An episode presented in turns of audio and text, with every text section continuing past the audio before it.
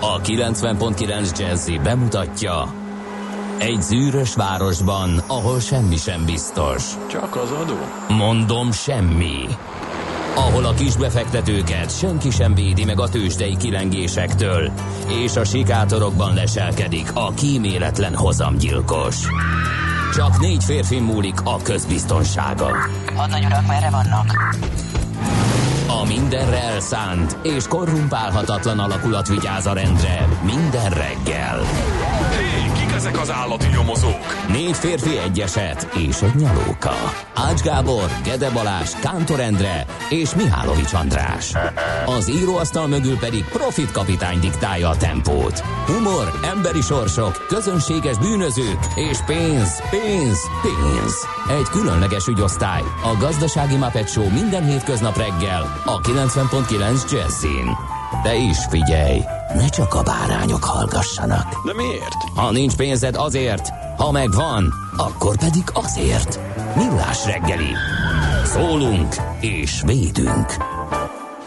Jó reggelt kívánunk, 6 óra 46 perccel már is kezdődik a Millás reggeli itt a 90.9 Jazzin. Kicsit kipihentük magunkat a hétvégén Ács Gáborral, úgyhogy megint egymásnak fogunk feszülni, kérem szépen. Nem, most uh, egész héten nagyon nagy barátságban fogunk itt uh, diskurálni, mély egyetértésben minden témát illetően. Igen. Úgyhogy majd, hát, uh, majd nem tudom, keressünk valakiket, Akik kinevezünk helyett. közös ellenségnek, Jó. és akikre rászállhatunk, cikizhetjük, mm, meg ilyenek. Jó. Még nem tudom kik lesz. Egy, egy már van, illetve nálad már van igen, egy igen, igen, hétvégi élmény alapján, igen. De most egyelőre én nyugtatom Maci kollégát, hogy ö, Hát hanyag- mi más lehetne a célkeresztbe, mint a fapados légi közlekedési modell annak minden hátulütével. Na figyelj, Hát jó van. dúl a, Késik, dúl a késik, párbaj, dúl a párbaj, kérem szépen, 3 óra 50 perc a rekord. Zoli azt mondta, ha verseny, akkor felveszem a kesztyűt. Jó reggelt, Ács kollégának üzenem, nagyon jót tesz neki a gazdával van. A múlt héten rengeteget mosolygott, sokat nevetett, kétszer kacagott is. A szerelmes futást üdvözlöm Münchenből írja Zoli. Aztán jön a szerelmes futár nagyon lemaradva 4.36. A verseny legyen verseny, indulás kőbányáról Csepperre, az utak üresek írja F, a szem- szerelmes reménykedő futár, de még itt is minden. Morgan, de most már morgós.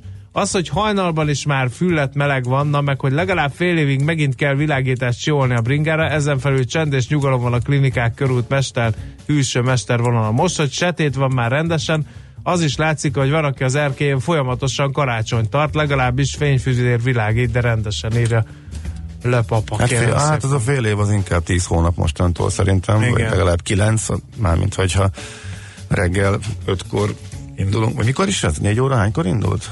5 körül, nem 5 körül? Öt még- körül, öt igen. körül még, még világos Majdnem van. sötét van, igen. Hogyha szépen jön vissza. Zsolt igen. 4.51-jel csak a bronzérmet csípte, mert Löpapa az már viszonylag későn írt. Jó reggelt kívánok, Petőfiéknél az ajtót mindig anyám tyúkja, amúgy az etele jól járható, írja Zsolt, de mondom, ez csak a bronzéremhez volt elég, és még egy Felső rágoson köd van, forgalmat nem zavarja, de nagyon hangulatos írja el a. Mi is innen látjuk a rádiózás Olimposzáról a ködbe burkolózó belváros, de nem tudta megörökíteni Hervat telefonom segítségével, mert a nap szembesült és elvakított, és csak egy nagy villanás lehetett volna látni, úgyhogy nem tudjuk megörökíteni, de nagyon-nagyon szép. Érdekes, Ha már- a, a füllettség az érdekes, mert én, én pont a, végre egy kicsit olyan, olyan hűvöskésebbnek éreztem Igen. a mai reggelt. Az előző napoknak Hát de a trópusi- Nem, lehet, tehát most tényleg úgy jöttem ki, hogy talán, talán 20 fok alatt voltunk, és még most jön a javal, tehát még a hőhullám az most érkezik Igen. a hét közepén. És ha már versengés, akkor egy csomó eh, sportsikernek eh, tapsolhattunk, kérem szépen. Eh, EB aranyérmet nyert Dévai Boglárka a Tornász Európa bajnokságon, ugrásban, ez egyszer megvan. Aztán utána, hát az úszóink remekeltek, kérem szépen, Milák Kristóf aranyérmet nyert Kenderesi eh, második 200 pillangón, és volt egy uh, ifjú tehetség, most ne haragudjon meg a világ, de nem ugrik be a neve, ő pedig ezüstérmet szerzett nagyon-nagyon fiatalon, hála Istennek. És kérem szépen, még egy ezüstérmünk van, mi nekünk magyaroknak, én is nagyon sokat tettem érte Ács kollégával Így- egyetemben. Horváth Laura második lett a CrossFit világbajnokságon. 21 éves magyar lányon ámul a világ. Ez egyébként, ha nem tudnátok, a legnépszerűbb modern sportágak egyikének számít ez a CrossFit.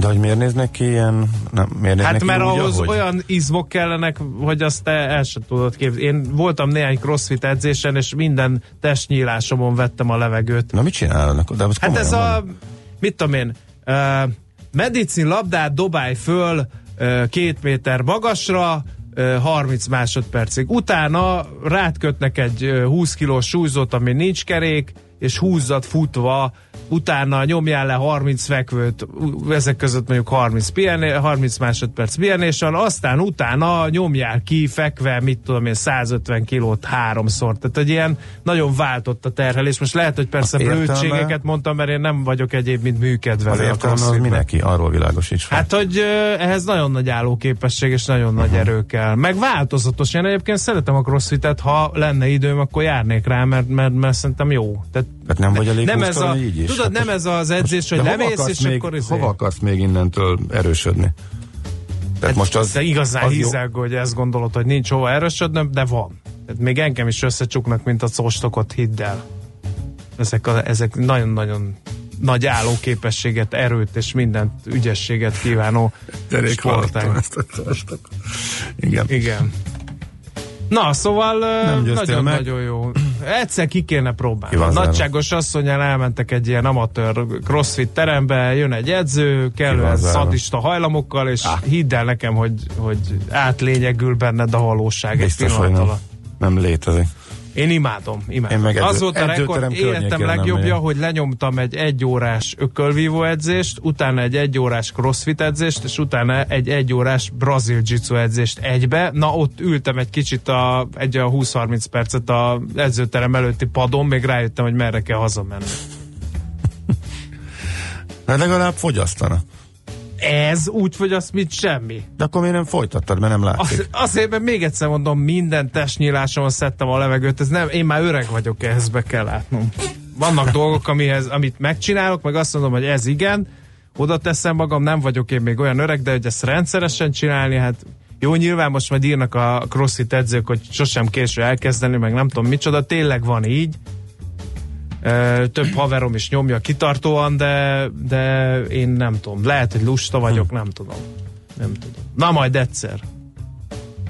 Hát én maradok a hagyományosabb megoldásoknál. Te úgyis- Hát ugye az az, az, is ki tudod csinálni magad, meg hasonlókkal. igen. Isten éltesse a Bartákat és a Bettinákat, kérem szépen. Aztán mit kell még tudni? 90 éves lenne Andy Warhol. Ma van a születésnapja, ugye augusztus 6-a van, nem mondtuk a bemutatkozástól. Aztán Sir Alexander Fleming, a penicillin felfedezője 137 évvel ezelőtt született.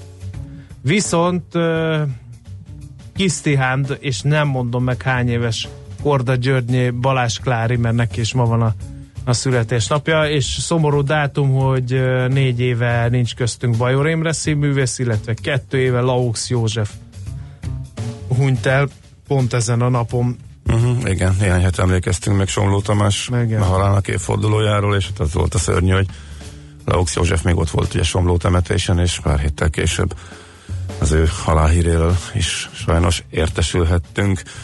Igen. Na, az uglói légi katasztrófá Ról beszéljünk, vagy az Hát csak- beszéljünk a Ryanair ostorozásáról? Hát az uglói, hát az uglói légikatasztrófa azért nagyon érdekes, mert egy, hát egyrészt... Itt keresett repülőgép zuglóban. Hát igen, mert voltak sétarepülések, meg ott a gépnek, Aha. a, gépnek a, a, az érkezése, tehát azt néhány évvel korábban, az egy amerikai gép, mely betévett Magyarországra, éppen Belgrádba e, tartott volna. E, hát többszörösen érdekes a sztori, mert annyira béna volt a magyar légierő, hogy nem tudta föltartóztatni se, aztán kirepült Romániába, és már éppen visszafele tartott volna, amikor rájöttek, hogy mekkorát tévedtek, eh, amikor Magyarországon az orosz vagy, vagy a szovjet erők tudták leszállásra kényszeríteni. Ha már itt volt, akkor megkapta a személyzet a büntetést, meg a kiutasítást, a gépet meg megtartottuk. Úgyhogy a gép itt maradt, és eh, tehát értelemszerűen menetrend szerint megkapta a malév, és értelemszerűen azért nyugatra már nem nagyon mehetett, mert akkor meg valószínűleg ők nem adták volna vissza. Úgyhogy pont jó volt sétarepülésekre.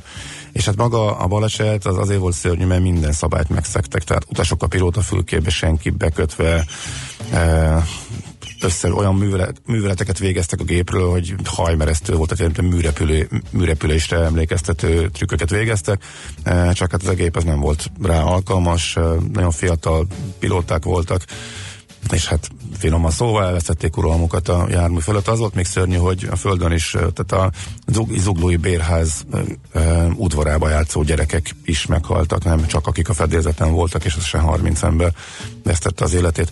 Ennek is van az év, ez, ez is augusztus 6-án történt, még pedig 1900 61-ben, utána jó sokáig nem lehetett sétarepülni, és avóta is nagyon szigorú szabályok alapján, és úgy tudom azért De ők azóta, hibáztak, vagy mit csináltak? Hát egyértelmű pilótaiba volt a szabályoknak a folyamatos és sorovatos megszegése volt itt az ok.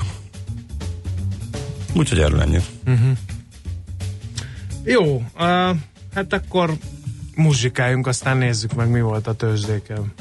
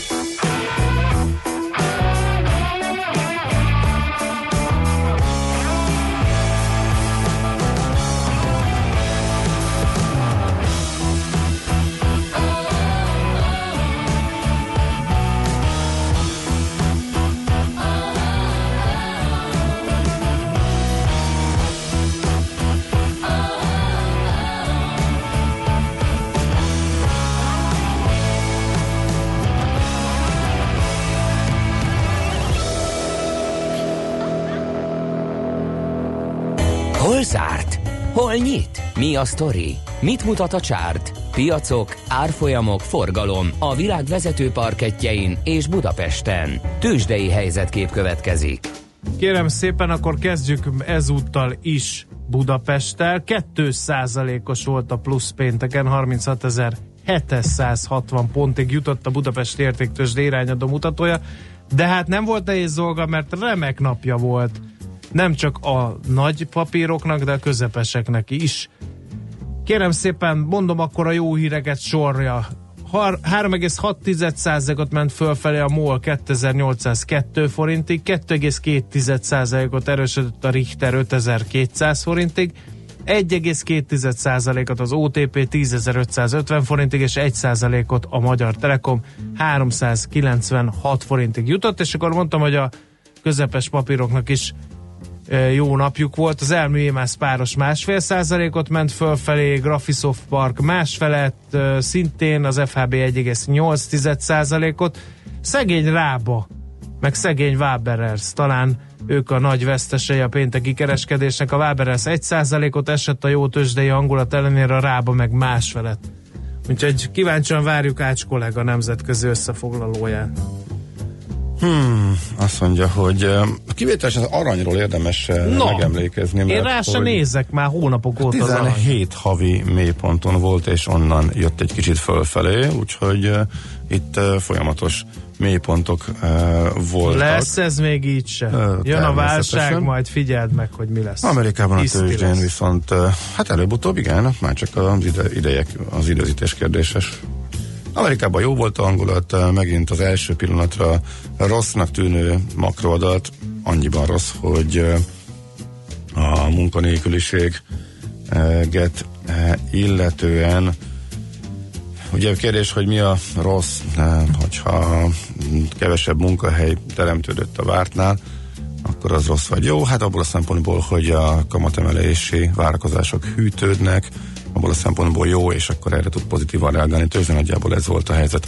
Eh, most pénteken eh, fél százalékot emelkedett a Dow Jones, meg az S&P 500 is, és hát a kicsit lemaradó volt most a technológia, de azért a Nasdaq is pluszban tudott lenni, néhány részvény, amelyik jól szerepelt, jól szerepelt, e, azt mondja CBS, e, vagy a GoPro, az, az nagyon kemény volt gyors jelentésre, majdnem 18 százalékot.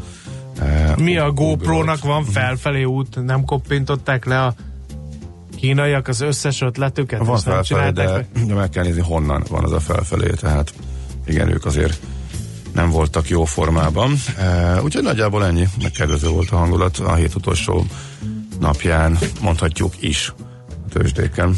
Úgyhogy nyári hangulatban, de optimistán. Tőzsdei helyzetkép hangzott el a Millás reggeliben.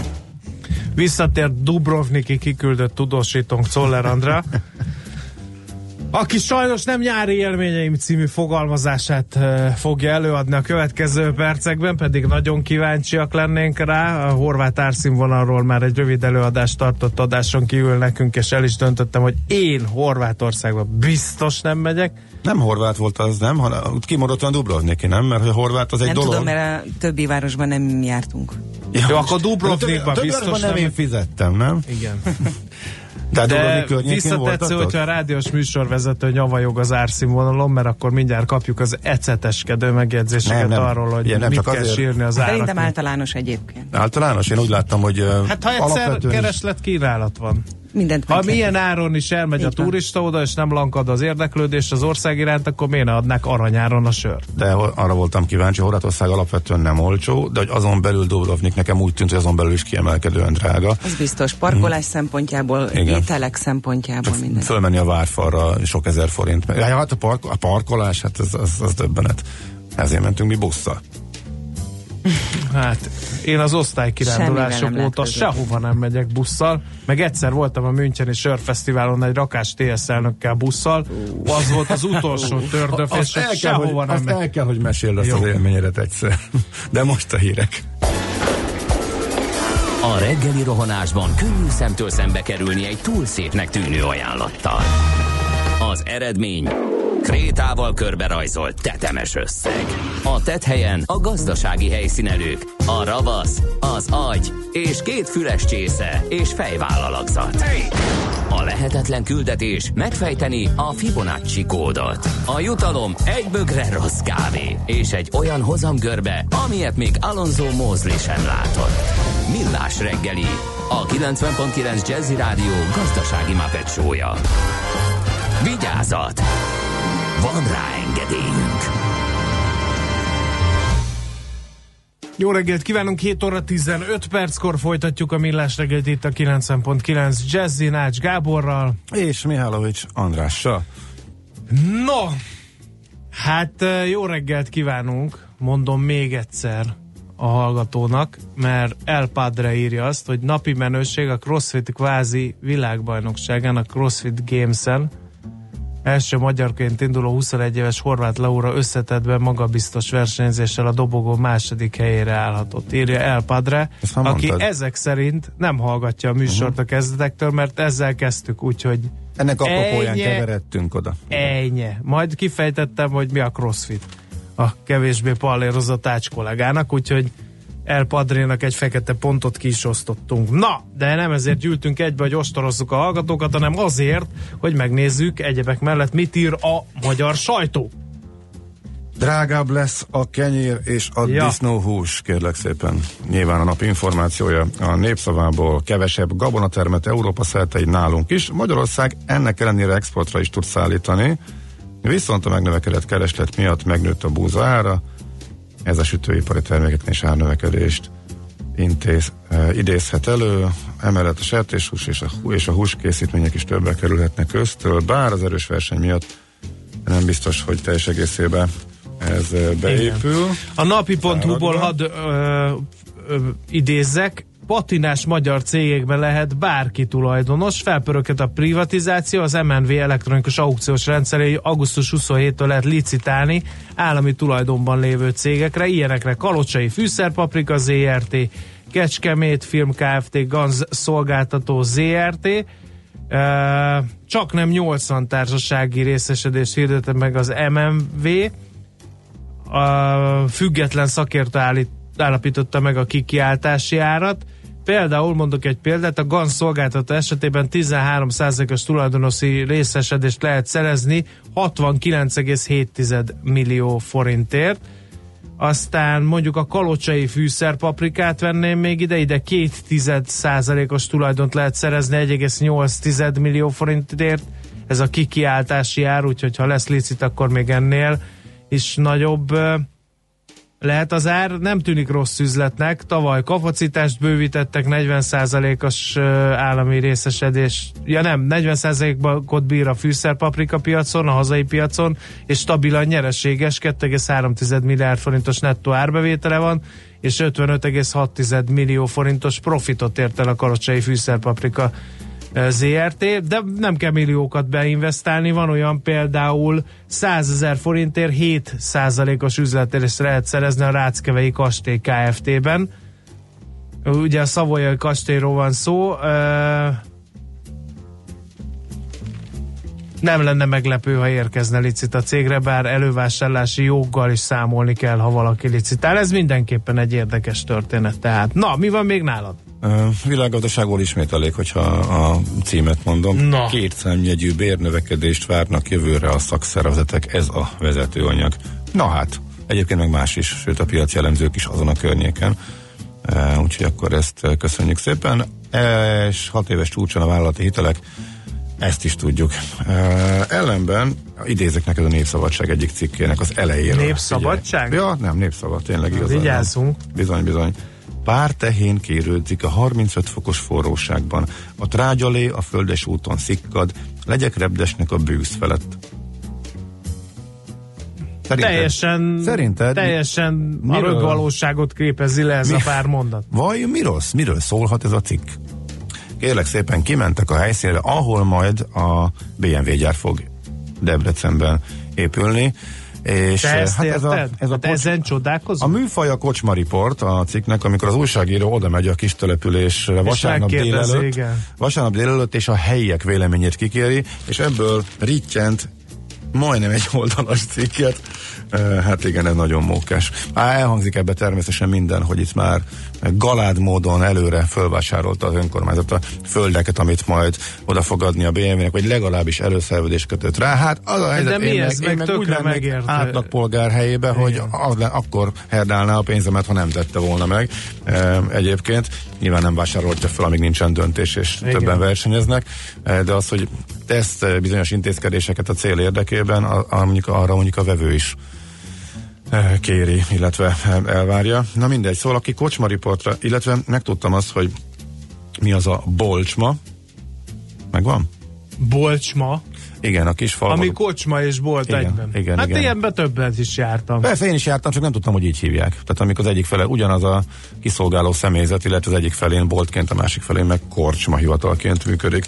Úgyhogy ez is fontos. Aztán van pár, jó pár érdekesség van a G héten, most én egy tegnap előtt itt emelnék ki, nem tudom, észrevette, de, de olimpia nem kell ahhoz, hogy megelőzzük a, az olimpiai az olimpiai, hát nem, nem éremtáblázaton, hanem a az egymillió lakosra jutó eh, olimpiai érmek eh, szenzációs listáján előbbre tudjunk kerülni.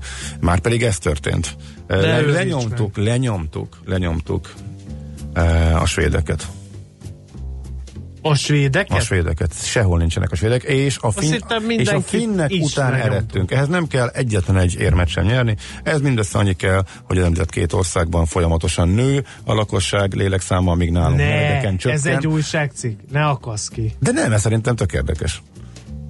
Semmit se csinálunk, és hamarosan listavezetők lehetünk a egy millió lakosra jutó olimpiai érmeknél, mert a finneknél meg a svédeknél nő a lakosság lélekszám. Rengeteg, nyilván nem kell ezt, ha valakit ez jobban érdekel, itt van a g7.hu-n táblávatokkal szépen illusztrálva. Maga a trend érdekes, hogy hát ennyit számít.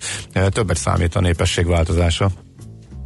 Nyilván négy évente tud ez csak változni már, mint az érmeknek a száma, úgyhogy ha nem vernek minket agyon, mármint érmek számában a következő olimpián, akkor belátható időn belül a finneket is lenyomjuk ezen a listán. Nyilván ez persze egy inkább, ott a ér- inkább miatt csak van minden, érdekesség, inkább csak érdekesség, de ők sem állnak úgy, hogy túl sokat nyernének a Nem, a, ott a csodafutók miatt van, nem? Hát meg ők, a, nem tudom, téli olimpián azért szoktak szerezni, nem? Ott inkább náluk az erősebb. Ja, van. hogy az is bele számít?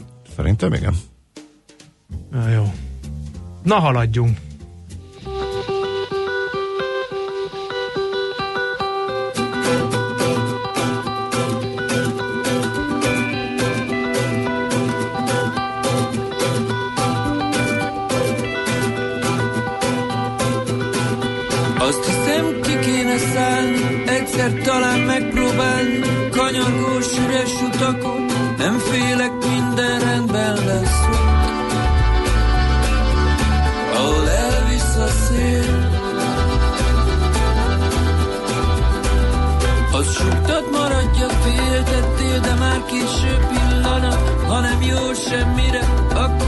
Legalább úton vagyok majd elvisz a szél, majd minden eltűnik, elvisz engem a szél. Simogatást, kedvességet, sebed, ami sebemhez téved, körülöttünk forgó napok, csak pillanatok a tegnapok.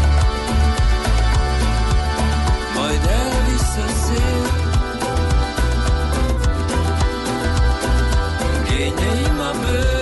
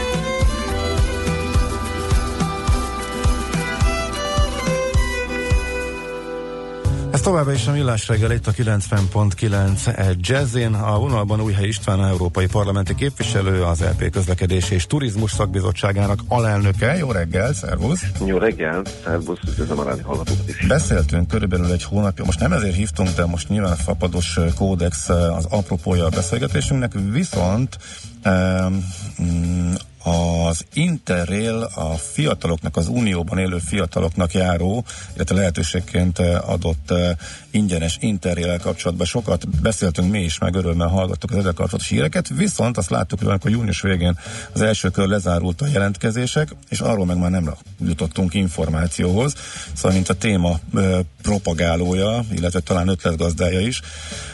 Hogy áll ez most? Jó az orrod, mert egyébként pont jövő héten hétfőn fogok tartani egy sajtótájékoztatót, és hát nem csak sajtótájékoztatót, hanem folyamatos ilyen rendhagyó fogadórát a szigeten, azzal a német berlini fiatalemberrel, aki civilként először vetette föl, hogy jó lenne a 18 éves európai polgárokat meglepni egy ilyen ismert meg Európát, és szeresd, be, szeresd bele Európába programmal.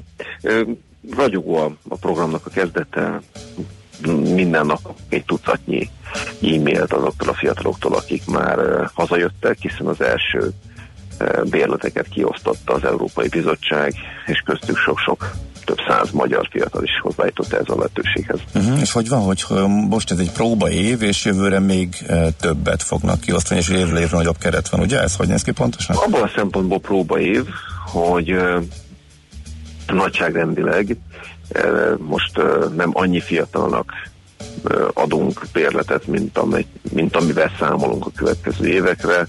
Ez Magyarország esetében nagyságrendileg 300 fiatal, az Európai Unión belül pedig hát több tízezer.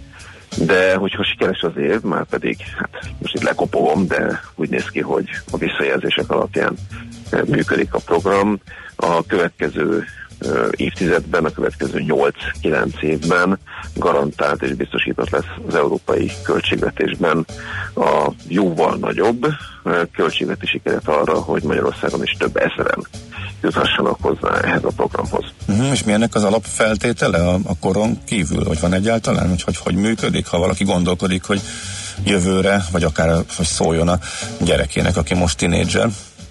Megelőlegezve a jövő heti sajtóbejelentést, elárulom, hogy úgy néz ki, hogy tudunk egy őszi fordulót, tehát a téli szünetre egy fordulót szervezni, tehát maradt annyi a költségvetésből, hogy újból meg tudjuk pályáztatni a fiatalokat.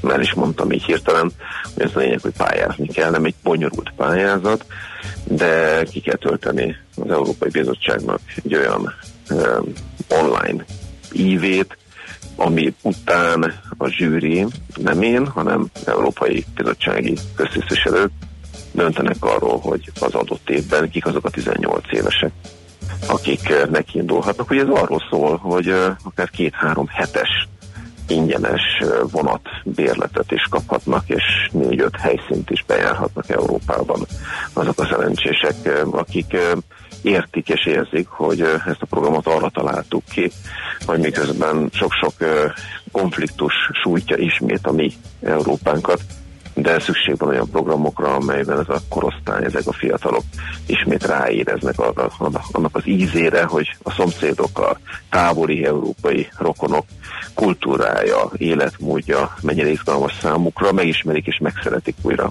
Európát. Egyébként én azt kezdeményeztem, és továbbra is ütöm a vasat, hogy például a egyes kormányzat, így a magyar kormányzat is rakjon bele saját költségvetési forrást.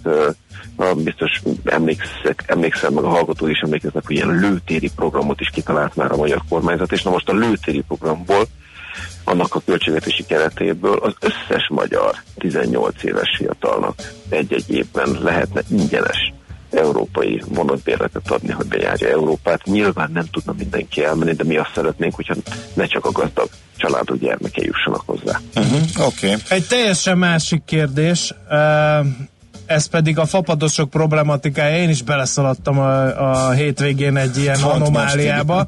Úgyhogy elég aktuális a kérdés. Ugye késik, ott hagyja a csomagot, máshova viszi az utast, törlik a járatot, elég változatosra sikerült a nyár a fapados légi közlekedésben és az én esetemben nem kívánok személyeskedni, de az én esetemben is, meg talán ahogy így látom a visszajelzéseket a többi esetben is, az a nagy probléma, hogy senki nem mond semmit. Tehát utas tájékoztatás, mint olyan, az, az talán nem is létezik. Úgy hallottuk, hogy lesz ez ügyben valamiféle összeurópai előrelépés, ha minden igaz. Igen, akkor most a vonatról átszállunk Igen. a repülőre, és uh, ugyanúgy a az Európai Parlament közlekedési és turisztikai bizottságának alelnökeként mint ahogy az Interrail programot is így karoltam fel, és így lett belőle európai program. Így kezdeményeztem most azt, hogy elég volt abból, amilyen módon a fapados légitársaságok kezelik az utasokat. Hangsúlyozni kell, és hát a sajtótájékoztató nem győztük elégszer elmondani a szakemberekkel közösen, hogy nem az árképzésbe, nem az üzleti logikába akarunk beleszólni, hiszen aki fapadossal utazik, az tisztában van azzal, hogy nem az Emirates biznisz osztályára vett jegyet. Na de hát a kötelező tájékoztatás, az alapvető emberi magatartás és utasbarát kezelés, az azt hiszem, hogy egy minimum lenne. És éppen ezért, miután a jogszabályalkotás, mondjuk, hogy az Európai Unióban egy egységes a fapodosokra vonatkozó, a mainál szigorúbb és egyértelmű szabályozás legyen, az egy hosszú időszak, ezért azt kezdeményeztem, hogy először egy etikai kódexet sikerüljön létrehozni, amit aláírnak ezek a légitársaságok, és akár a csomagkezelés, akár az Európában egységesen bevezetendő, például kötelező csomagméret, hogy ne forduljon velünk az elő, hogy elmegyünk egy légitársasággal egyfajta csomagszabályzattal, és én most nem az árról beszélek, hanem a méretekről. méretekről igen. Majd visszafele meg már igen. Abszolút nem igaz. Hát ugye bőröndös boltba, ha elmegy az ember, akkor lehet Wizz Air kompatibilis bőröndöt kapni, meg Ryanair kompatibilis bőröndöt, ami, ami vicc, igen.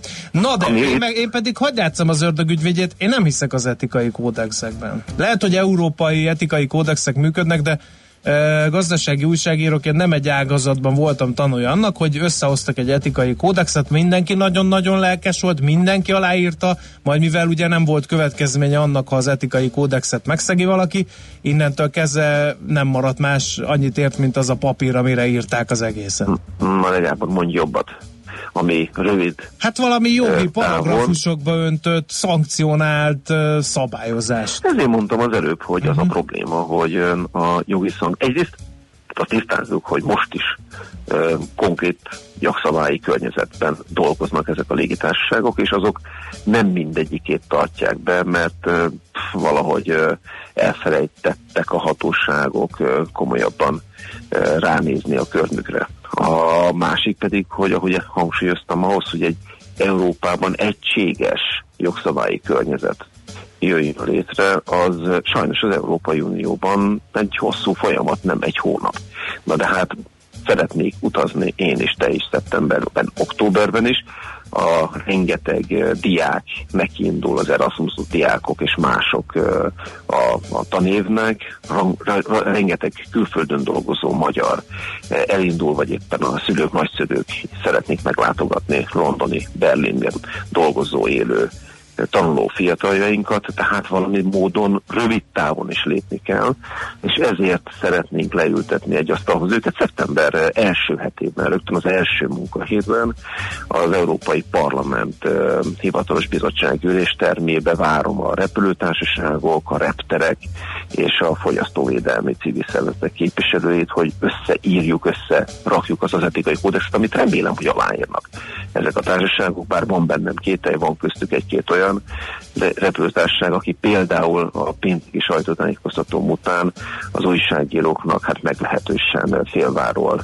válaszolva küldtek el a francba. Nem baj, folytatjuk és nyomjuk ezt a dolgot, uh-huh. mert nem fordulhatnak elő olyanok, mint amiket a hétvégén is tapasztaltunk, hogy az elmúlt hónapokban az ott hagyott utasok, a, a három gyermekével utazó anyuka, aki még csak itt emberi tájékoztatást sem kap arról, hogy mi történik vele akkor, amikor bezár egy repülőtér este 11-kor vagy éjfélkor, és őket kirakják az utcára, és semmit nem mondanak nekik. Tehát ez így tovább nem mehet. Igen. Legyen ez a végszó, kíváncsian várjuk a fejleményeket, amelyekről be is fogunk számolni. Köszönjük szépen! Én köszönöm, és remélem, hogy valamit tudunk elérni a utazók kedvére. Köszönjük még egyszer. Köszi. Szép napot. Szervusz. Szervusz. Újhely István, európai parlamenti képviselő, az EP közlekedési és turizmus szakbizottságának alelnöke beszélt az Interrail programról, meg a formálódó fapados etikai kódexről. Csak egy mondatot, hogy... A reményeim. Hogy tegyek hozzá. Ugye az utasok döntenek, és igazából az a kérdés, hogy mennyire, hát ha nem is elrettentő erőről érdemes beszélni, de hogy, hogy a maga a kódex az sikeres lehet-e, az nyilván nagyrészt attól is függ, hogy a média felhajtás az, az, az kitart-e, tehát most eléggé föl vannak háborodva az utasok, és az Melyik is igaz, volt hogy... ez a légitársaság, aki nem okay, tudom. Nem tudod? Nem, nem, nem, tényleg nem tudom. Azt nagyjából lehet tudni, hogy ha, ha összeírunk egy csomó alapszabályt, tudok olyan fapadost is mondani, aki 90%-a most is betartja, és minimálisat kell változtatnia, és olyat is tudok mondani, aki az egészre magasan um, tesz de hát nem eltérő mértékben érinti a légitársaságokat, úgyhogy én arra tippelek, hogy lesz, aki ennek örülni fog, más meg tenni fog rá. Kérdés, hogy a utasok ezek után elkezdik-e jobb belátásra téríteni a céget. Hát ha nem, akkor jön az, hogy szabályozás, szigorítás és jobban odafigyelés a betartásra, de hát ugye az Unió sok mindent el lehet mondani, csak azt nem, hogy gyorsan lehetne, vagy gyorsan tudnák dönteni, de hát magából a működéséből fakad az állandó kompromisszum kényszerből, eh, meg abból, hogy mennyi ország van benne, és mennyi érdek és ellenérdek áll például a gyorsabb eh, törvényhozás útjában. Úgyhogy nagyjából ennyi én is kíváncsian várok, minden esetre én próbálok minél jobban belefolyni és elmondani a utasoknak a alapigényeit, meg egy, egy épesző vitába is szívesen benne vagyok, hogy mi az, ami alapvetően elvárható, és mi az, ami meg e, túlzás, és e, azt meg már a légitársaság részéről teljesen jogos, hogy ne kérjük rajtuk számon. Ez persze nehéz meghatározni, erről mindenkinek A születésnaposoknál elfelejtkeztünk megemlékezni nagyságos asszonyról. Ma van a születésnapja, hogy a következő zeneszámot az ura neki küldi, csak annyira szerény, hogy nem Istenem. merte ezt az éterbe elmondani, Istenem. úgyhogy Kisztihán nagyságos asszony. Istenem. Műsorunkban termék megjelenítést hallhattak. Magyarország sokkal nagyobb, mint gondolná. Minden vasárnap este 7 órától szélesre tárjuk Magyarország kapuit a Jazzy Hungarikumban. Bokros László bevezeti önöket a magyar zene világába, kulisszatitkokat oszt meg, mindezt fűszerezve egy kötetlen beszélgetéssel, amelyben megszólalnak a hazai zenész és művész élet kiválóságai. Jazzy Hungarikum. Barangoljanak velünk Magyarországon. Hazai értékekre hallgatunk, stílusosan és szenvedélyesen. Rövid hírek a 90.9 Jazzin. Ma éjfélig tart a pót felvételi határideje. Az idei általános felsőoktatási felvételi eljárás során már meghirdetett képzések esetében a pótfelvételi ponthatár nem lehet alacsonyabb, de egyes esetekben magasabb lehet a július 25-én meghatározott ponthatárnál valamint a finanszírozási forma is zövében önköltséges. A ponthatárokat augusztus 24-én hirdetik ki, ekkor dől el, ki került be az általa megjelölt képzésre. Tavaly csökkent a jövedéki eljárások eset száma és a jogerősen megállapított bírságok összege is. 11.600 esetre jutott 7 milliárd 450 millió forint bírság szemben az egy évvel korábbi több mint 13 ezer esettel és a 8,4 milliárd forintos bírsággal írja a világgazdaság.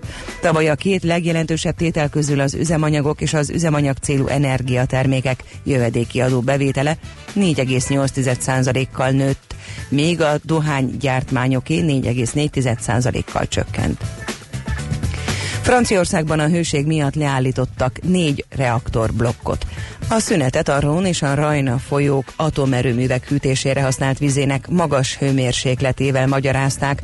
A két folyó vizét használják a reaktorok hőmérsékletének szabályozásához, az így felmelegedett melegvizet pedig visszaeresztik a romba, illetve a rajnába. A helyi élővilág védelme érdekében is a folyók vízhőmérsékletének emelkedésére való tekintettel a hatóságok korlátozásokat léptettek életbe, hogy mennyi vizet használhatnak az atomerőművek erre a célra. Franciaország jelenleg az egész Európát sújtó hőhullámtól szenved, a hőség helyenként a 37 fokot is elérte. Újabb földmozgás volt Indonéziában, Lombok szigetén legalább 37-en meghaltak. A sérültek számát 50-nél többre teszik, írja a BBC. A Richter skála szerinti hetes erősségű földmozgás egy héttel egy másik 16 ember életét követelő tragédia után történt a kedvelt turista központban. Beszámolók szerint Balin több másodpercig érezhető volt a földmozgás, még Lombokon mint egy fél percig volt érezhető a rengés. Egy gyenge hidegfront hozhat elszórtan záporokat elsősorban az ország keleti és déli felében, néhol megélénkülhet az északi szél, 28-34 fok valószínű. A hírszerkesztőt Szoller Andrát hallották, friss hírek legközelebb fél óra múlva. Budapest legfrissebb közlekedési hírei, itt a 90.9 jazz jó reggelt kívánok! A fővárosban fennakadásra számíthatnak a Budaörsi úton a Sasadi úttól befelé, az M3-as bevezető szakaszán az m 0 és a Szent Mihályi úti felüljáró között, a Rákóczi úton a Barostértől befelé, a József körúton a Blahalúza tér előtt, telítettek a sávok a Hungária körúton a Tököli út közelében mindkét irányban, a Hősök tere környékén, illetve a Könyves Kálmán körúton is a Mester utca és az Üllői út között mindkét irányban. Nehezen járható a második Rákóczi Ferenc út is, a Csepeli temető és az m 0 közelében egyaránt. A Kóskáros sétányon szintén lassan halad befelé a sor, mert a hősök teréről csak egy sávból lehet a Dózsa György útra balra kanyarodni aszfaltozás miatt. A Hungária körgyűrűn, ahol tart a villamospálya felújítása, ma 9 órától a Gyáli útról csak egy sávból lehet kanyarodni a Rákóczi híd irányában, illetve a Könyves Kálmán körútról az Üllői út felől szintén csak egy sávból lehet kijutni a Gyáli útra. Varga Etele, BKK Info. A hírek után már is folytatódik a millás reggeli. Itt a 90.9 jazz Következő műsorunkban termék megjelenítést hallhatnak.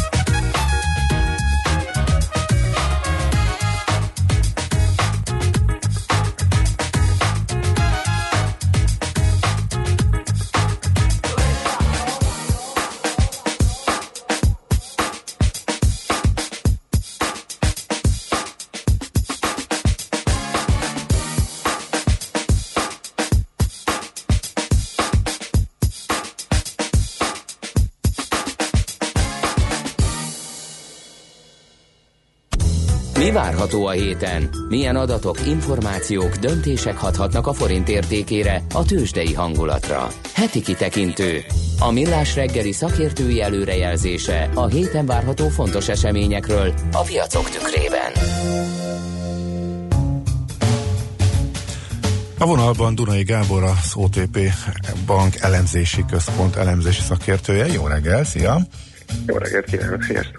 Na hát a mi várható a héten e, rovatunkban leginkább az inflációra figyel a piac, mármint a magyarra, hogyha jól sejtjük. E, mikor is érkezik? Van a hét közepén? Uh, emlékszem, hogy 8-án, igen, szerda reggel. Uh-huh, szerda reggel. Uh-huh. És hát gondolom a kamatpálya szempontjából is uh, fontos lehet. Mi a várakozás? Hát ez most nagyon fontos, igen, a kamatpálya szempontjából.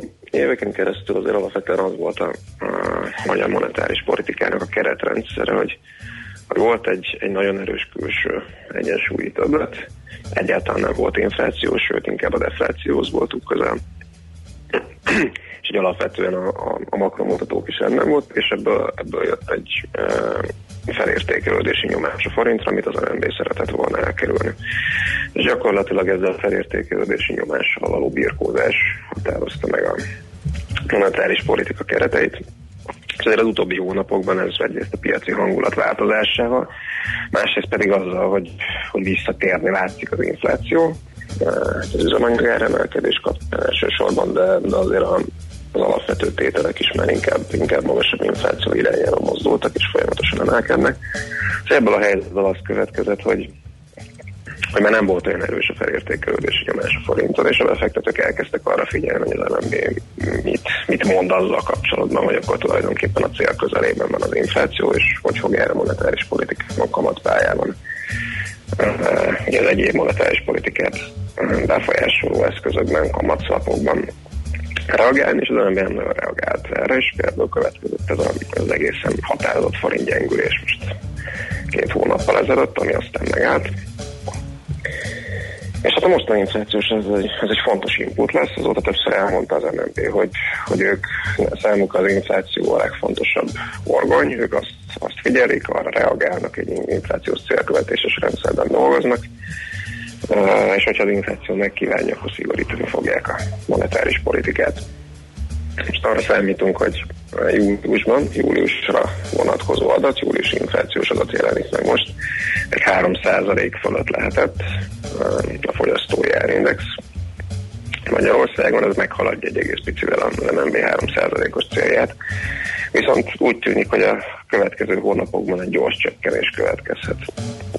És hát ebből a szempontból érdekes mindenképpen az adat, hogy alátámasztja ezt a képet, mert hogyha ez valóban így van, akkor, akkor tulajdonképpen igaza van a MNB-nek abban, hogy egyelőre nem reagált cselekedetekkel arra, hogy a forint viszonylag jelentősen gyengült az elmúlt hónapokban, és hát tulajdonképpen a piacnak is igaza van abban, hogy ezt a helyzetet elfogadta, és ma, ma reggel már, hogyha jól láttam, akkor 320 alatt kereskednek itt az európai nyitás előtt az euróval, forintban számolva. Uh, úgyhogy a megjelenő adattal kapcsolatban a részleteket érdemes figyelni. Alapvetően azért az látszódik az inflációs képből, hogy, hogy ahogy említettem, a gazdasági alapfolyamatokban adódó inflációs nyomás az emelkedik, de még mindig viszonylag alacsony, ahol ilyen két-két és fél százalék környékén van, és ami most átmenetileg a cél fölé elrepítette, emelte az inflációt, az egyértelműen az üzemanyagár, aminek az emelkedés viszont megállt, és nem is számítunk arra, hogy ez folytatódni fog. Sőt, hát bázis hatás miatt például a jövő évben ebből egy, egy jelentős infláció leszorító hatás is jöhet, amennyiben jövőre valószínűleg egy picivel alacsonyabb lesz az üzemanyag árforintban számolva, mint amennyi mondjuk most idén nyáron volt. És ebből a két hatásból adódik egy olyan pálya, hogy arra számítunk, és valószínűleg a piac is osztja egyelőre, és hát az MNB legutóbbi inflációs jelentősen is egy hasonló pálya sejlett fel, hogy a jövő év közepére érheti el tartósan ismét a jegybank 3%-os célját a hazai fogyasztói árindex, úgyhogy hát valószínűleg jövő év közepek környékén kell már egészen határozottan valamit um, reagálni az MNB-nek a, uh-huh. az infláció alakulására. És a végeredményben, ha nem lesz nagy felfelé meglepetés ebben a, a, a szerdán megjelenő adatban, akkor, akkor ez a kép ez, ez erősödhet és akkor igazából a, következő nagyobb piaci turbulenciáig mm, nem is feltétlenül kell arra számítanunk, hogy, hogy a forint az ismét elindul felfelé az euróval szemben érzésekben. Uh-huh. No, hát ez most jól hangzik abszolút. Amerikában is inflációs adat várható, nyilván teljesen mások a körülmények, ott mire számíthatok? Így van, lényeg meglehetősen az alkotó szinte ugyanaz, mint ami nálunk várható, de természetesen a mozgató rúgója, hogy említetted, teljesen mások. Illetve hát számszerűleg más, más arányba határozódik, meg ott 2,9% volt legutóbb júniusban az infláció, és most a friss adat az, az szintén 2,9% lehet az elemzői konszenzus szerint, ez viszont jóval az amerikai egybanknak a 2%-os inflációs célja felett van. És hát ezzel összhangban az amerikai egybank már viszonylag régóta is a kamatlábat. Azért ott is van egy, van egy egyszerű hatás az üzemanyagárakból, ez most a világon mindenhol tettő érhető, vagy hát megvan az inflációs adatokban, hogy az üzemanyag árak tavaszi emelkedése miatt, miatt hirtelen megugrott a mutatók. Viszont ott azért érdemes hozzátenni, hogy a, volatilis tételektől szült maginflációs index is, és 2% fölött van már egy ideje, úgyhogy igazából ott már az alapárnyomás is meghaladja a FED célját. És hát pedig abból a szempontból érdekes nagyon, hogy, pontosan milyen adat jelenik meg, hogy néhány hónapja már azt kommunikálja az amerikai egybank, hogy a kamatemelés további alakulása az, az nagyon nagy részt adatfüggő, és hát nagyon nagy részt inflációs adatfüggő a munkaerőpiacon, ami a másik fontos inputja az amerikai monetáris politikának, ott azért nagy meglepetések nem várhatók. Egy, egy nagyon-nagyon feszes munkaerőpiacot láthatunk, 4% körüli alatti munkanélküliségi rátával, és hát egyelőre még mindig nem, nem felpörgő bérdinamikában, olyan nagyjából 3% környékén van az éves bérdinamika. Ebben azért rövid távon nem számítunk változásra, nem, nem, nem szoktak ilyen, ilyen drasztikus ugrások lenni az inflációban, abban viszont lehet mozgás, és hát emiatt is mondja azt a FED, hogy, hogy alapvetően az én beérkező inflációs adatok határozzák meg a kamatpályát. Hogyha meglepetés lesz bármilyen irányban, akkor az azért módosíthatja azt a piaci várakozást, hogy idén még kétszer emel kamatot a Federal Reserve. Van egy szeptember és egy, december környéki 25 bázis pontos emelés a piaci várakozásokban. Hogyha magasabb lesz az infláció, akkor, akkor esetleg módosulhat abba az irányba, hogy még három kamatemelés is lehet, és akkor ez adott esetben erősítheti a dollárt az euróval szemben. Uh, hogyha viszont mondjuk egy, egy alacsonyabb inflációs szám jelenik meg, és esetleg a maginfláció, ami, ami az alapfolyamatokat ragadja meg, az is kedvezőbb lesz a 2,3%-nál, amit a, elemzői konszenzus mutat, akkor, akkor pedig fordítva. Uh-huh. Világos. Fordít, fordított uh-huh. reakció következhet Oké, okay, ez pedig pénteken érkezik, ugye pénteken kell majd rá figyelni. Uh-huh. Oké, okay. nagyon szépen köszönjük. Kíváncsian várjuk az adatokat, meg hát persze a piaci reakciót meg a kamatpálya változását is mindezekre. Szép napot, jó munkát kívánok, illetve jó hetet! Köszönöm szépen, nektek is hasonló jókat! Köszönjük, szia, szia! Sziasztok! Donai Gáborral beszélgettünk, tehát a magyar, illetve az amerikai inflációs alatt lesz a legizgalmasabb makrofronton ezen a héten. Erről tehát az OTP ellenzési központ ellenzési szakértője számolt be, és de a piaci hatásokról pedig mindjárt beszélünk a műsorban.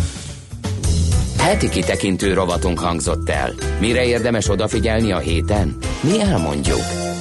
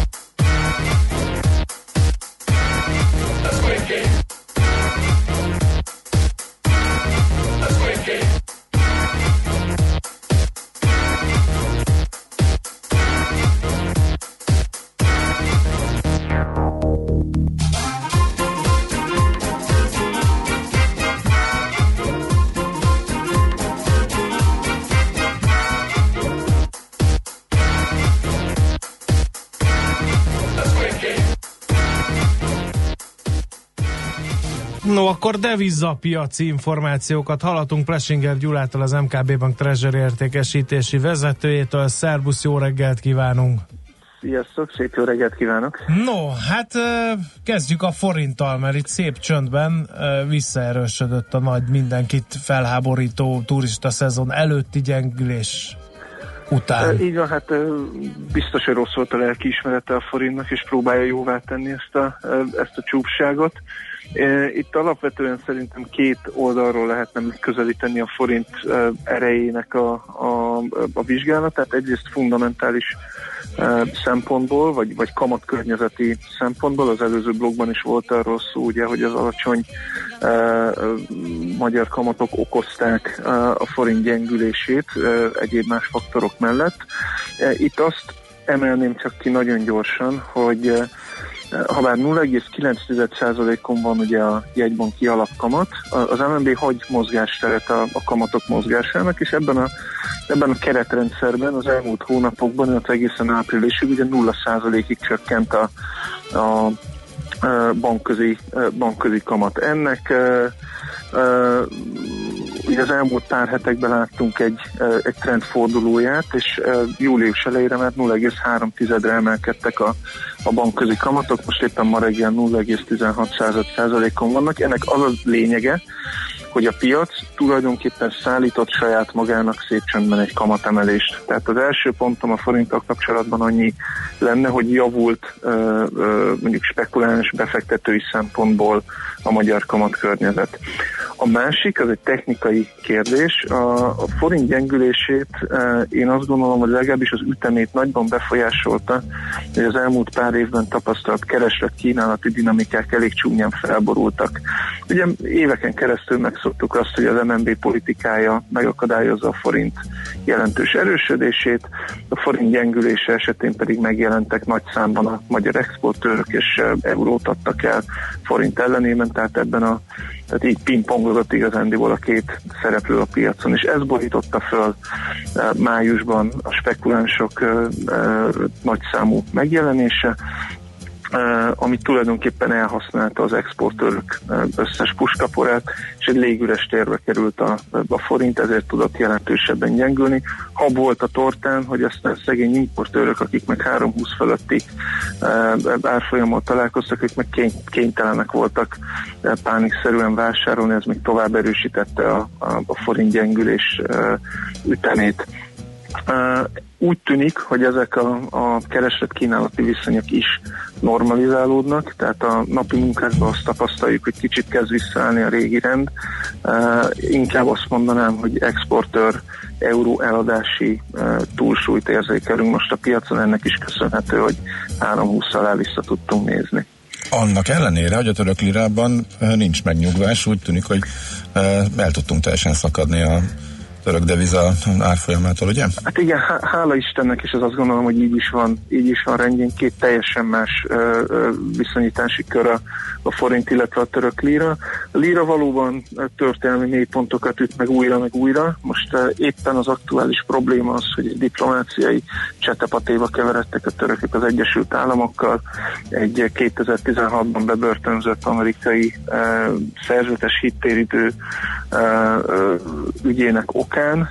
Ugye talán többen hallották a, a múlt heti híreket, hogy az Egyesült Államokban befagyasztották a török belügyminiszter, illetve igazságügyminiszter eszközeit megtorló intézkedés gyanánt tehát ez, ez, ez a hangulati jellem nyilván nem tesz jót a lírának. A lírával kapcsolatban azt az egy mondatot még mindenképp el kell mondani, hogy ez önmagában azt gondolom, hogy ez a, a diplomáciai súrlódás nem kéne, hogy hasson a devizára.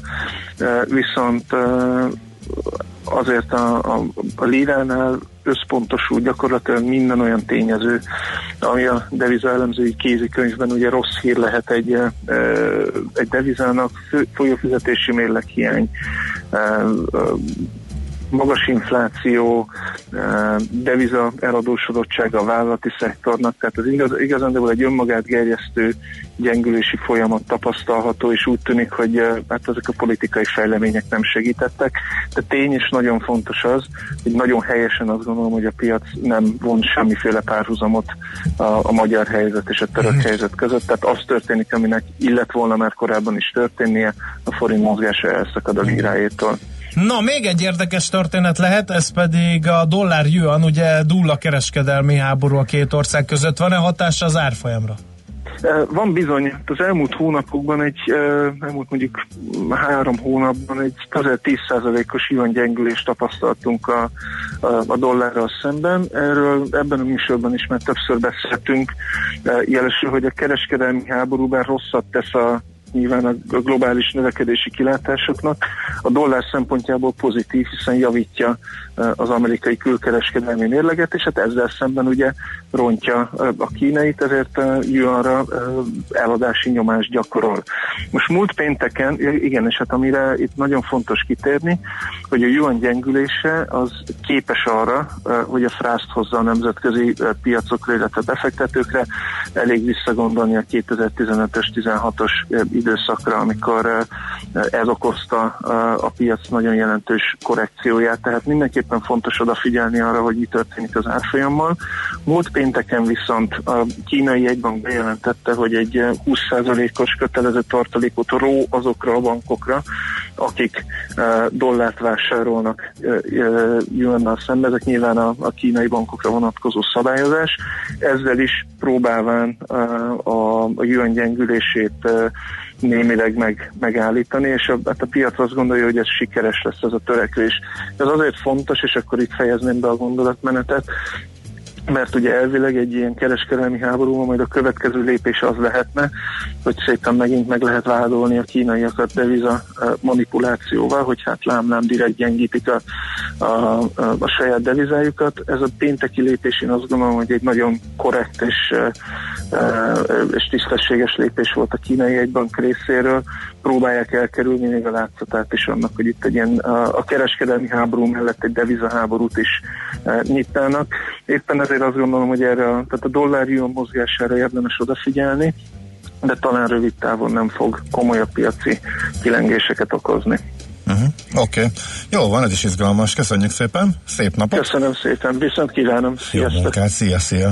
Plesinger Gyulával beszélgettünk, tehát az MKB bank milyen izgalmas a nyár ellenére a devizapiac, nem? Ezen gondolkodom, hogy a tőzsde az néha ilyen tetsz halotti állapotba kerül, Főleg ugye Magyarországon, de a devizapiacon milyen jó sztorikat sorolt a Gyula. Hmm, hát igen, de hogy ezek na, miből fakadnak, az is, azt is érdemes megnézni, nem feltétlenül jó dolgokból hát, ja, fakadnak, hanem lereagál bizonyos dolgokat nyáron is a piac, de hát valóban úgy tűnik, hogy a...